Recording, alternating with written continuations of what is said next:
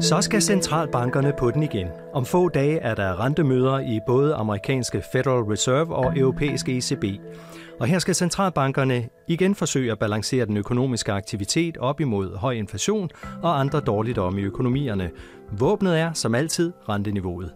Historisk set, og her er det den nyere økonomiske historie, som begyndte for et års tid siden, og med en speeder, der blev trampet i bund efter Ruslands invasion af Ukraine, ja, så går det kun én vej, og det er opad og endda stejlt indimellem i hop så store som 0,75 procentpoint af gangen, har vi set.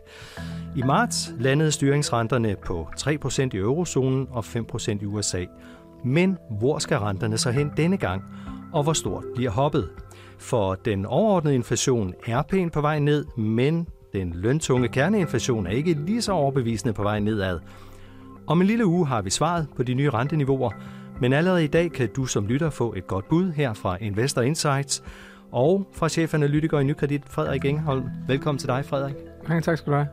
Og øh, velkommen til lytterne. Ved mikrofonen her i dag er jeg, Lars Derbo.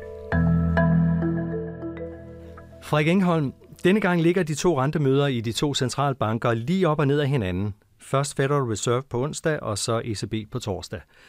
Nu har jeg slået dem sammen her i mit oplæg, men lad mig lige spørge dig først. Er det den samme dagsorden i begge centralbanker? Den minder om hinanden, og det har den jo gjort et stykke tid, og derfor så har de også begge to i virkeligheden gået til yderlighederne i forhold til at få, få strammet politikken i en fart, taget de her, som du nævnte i indledningen, meget store rentehop, som vi faktisk normalt ikke ser og ikke havde forventet os at se igen, tror jeg, i, i, i, sådan, et, i sådan en stramningscyklus. Øhm, og og man, har, man har også gjort rigtig meget på meget kort tid i det hele taget, så de er ligesom kæmpet med det samme problem, en inflation, der kom lidt ud af det blå, var ekstremt meget for høj og har nået nogle niveauer begge steder, som jeg tror, at de færreste af os økonomer troede, vi nogensinde skulle se igen i virkeligheden. Vi kæmper også med arbejdsmarkeder, der står i, i samme sted. Øh, meget, meget stramme arbejdsmarkeder, meget lav arbejdsløshed. Faktisk for begge vedkommende også arbejdsløshed, vi ikke har set lige så lav i adskillige årtier.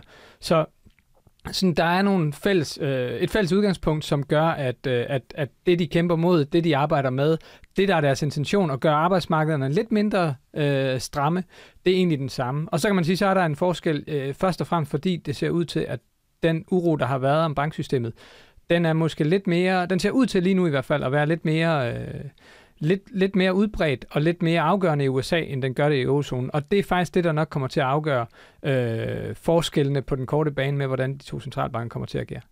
Lad os prøve at starte så med øh, USA og Federal Reserve. De hævede i marts altså renten med 0,25 procentpoint til 5 procent. De mødes på onsdag. Hvad bliver meldingen? Vi tror, de hæver renten igen med, med, med en kvart, et kvart procentpoint. Og, øh, men der er heller ikke nogen tvivl om, at allerede der kan man høre i de kommentarer, der er kommet ud, at øh, fra forskellige medlemmer af Federal Reserve, de, de er jo ofte ude at tale til arrangementer, og der giver de sådan deres egen fortolkning af situationen, og nogle gange også deres egen sådan vurdering af, hvad der egentlig kræves herfra. Og så kan man sådan lidt prøve at regne sammen, hvor mange siger det ene, og hvor mange siger det andet, og hvem er mest indflydelsesrige, og hvem repræsenterer måske typisk en yderfløj, og dermed er de måske mindre sådan øh, toneangivende for den sådan generelle stemning.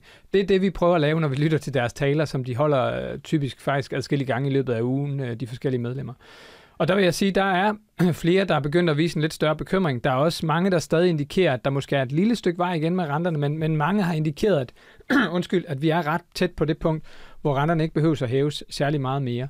Og det er først og fremmest, fordi de som sagt frygter, at den her bankuro øh, kan, kan, kan medføre, at, at, øh, at økonomien i sig selv, at banksystemet i sig selv leverer noget af den stramning, som i virkeligheden skulle være foregået ved, at de havde hævet styringsrenterne, den kommer så i stedet for ved, at nogle banker gør det lidt sværere for adgang til kredit, og på den måde får man egentlig den samme effekt. Lidt færre mennesker får lov til at låne penge. Det gør både en højere rente jo, og at bankerne måske bliver mere restriktive, og på den måde får man bremset øh, økonomien op. Så så vi forventer, at de hæver renten med, med en, øh, et kvart procentpoint. Vi forventer i virkeligheden også, at der følger et skridt efter. Men det er mere, end hvad markedet forventer.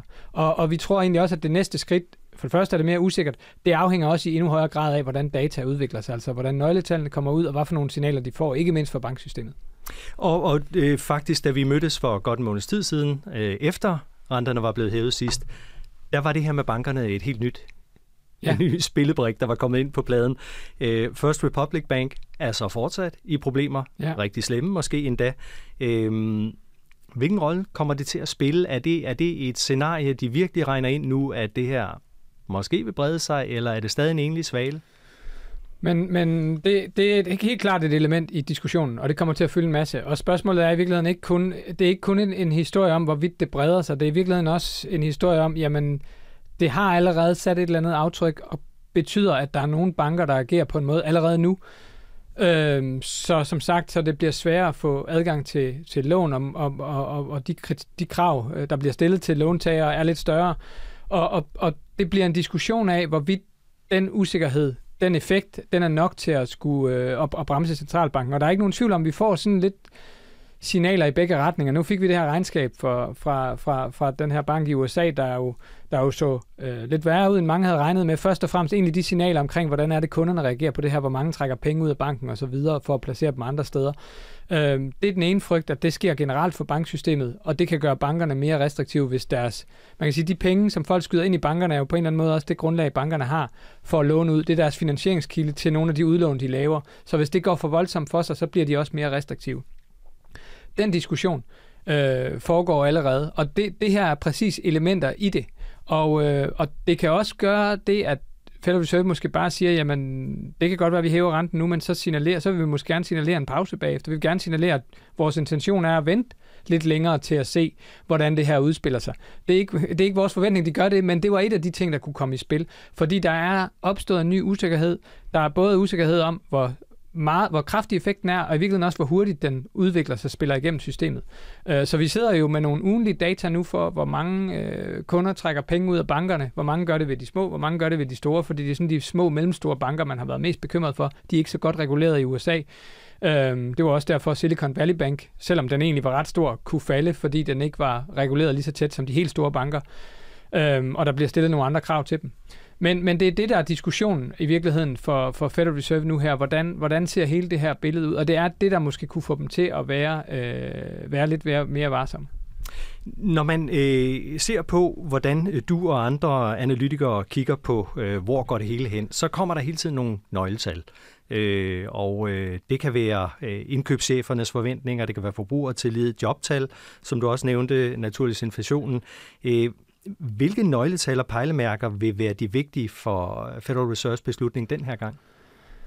Jamen, arbejdsmarkedet er helt centralt for dem generelt, og det sender stadigvæk et, et, et signal, der er ret stærkt. Øh, og det, det, det er en af de ting, der gør, at nogen i Federal Reserve mener, at vi er nødt til at gøre noget mere, fordi så længe arbejdsmarkedet er så stærkt, også selvom pilen peger lidt nedad på det, så længe det er så stærkt, så vil vi blive ved med at have det her underliggende inflationspres, for det kommer i sidste ende af, at der er for få hænder, øh, og for øh, hvad kan man sige, gunstige vilkår for arbejdstagerne, altså de har for mange jobs at vælge mellem i et eller andet omfang, og det er jo det, vi også kan se. Der er stadigvæk ekstremt mange ledige jobs i USA, selvom også det er begyndt at falde.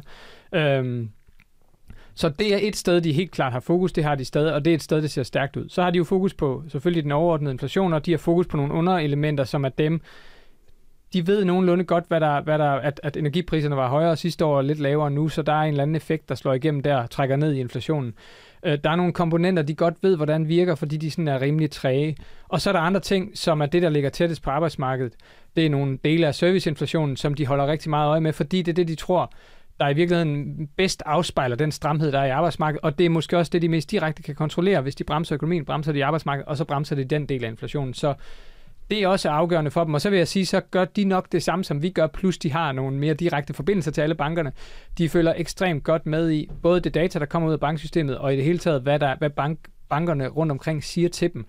Øhm, fordi det er jo som sagt det andet, vi begynder at følge med i. Øh, hiver folk penge ud af bankerne, giver bankerne stadig de lån, de vil. Oplever virksomhederne, det kan vi se i nogle af de her spørgeskemaundersøgelser, Oplever virksomheden, at det er sværere at få adgang til kredit? Det er sådan lidt et blandet billede. Så vi har en masse forskellige øh, steder at få den her information for, fra. Og der vil jeg sige, der er det nogle af de ting, de kigger på, og så kan man sige, de her indkøbschefernes øh, pejlemærke, som er det, det er noget af det bedste til at sige, hvordan har økonomien det lige den her måned.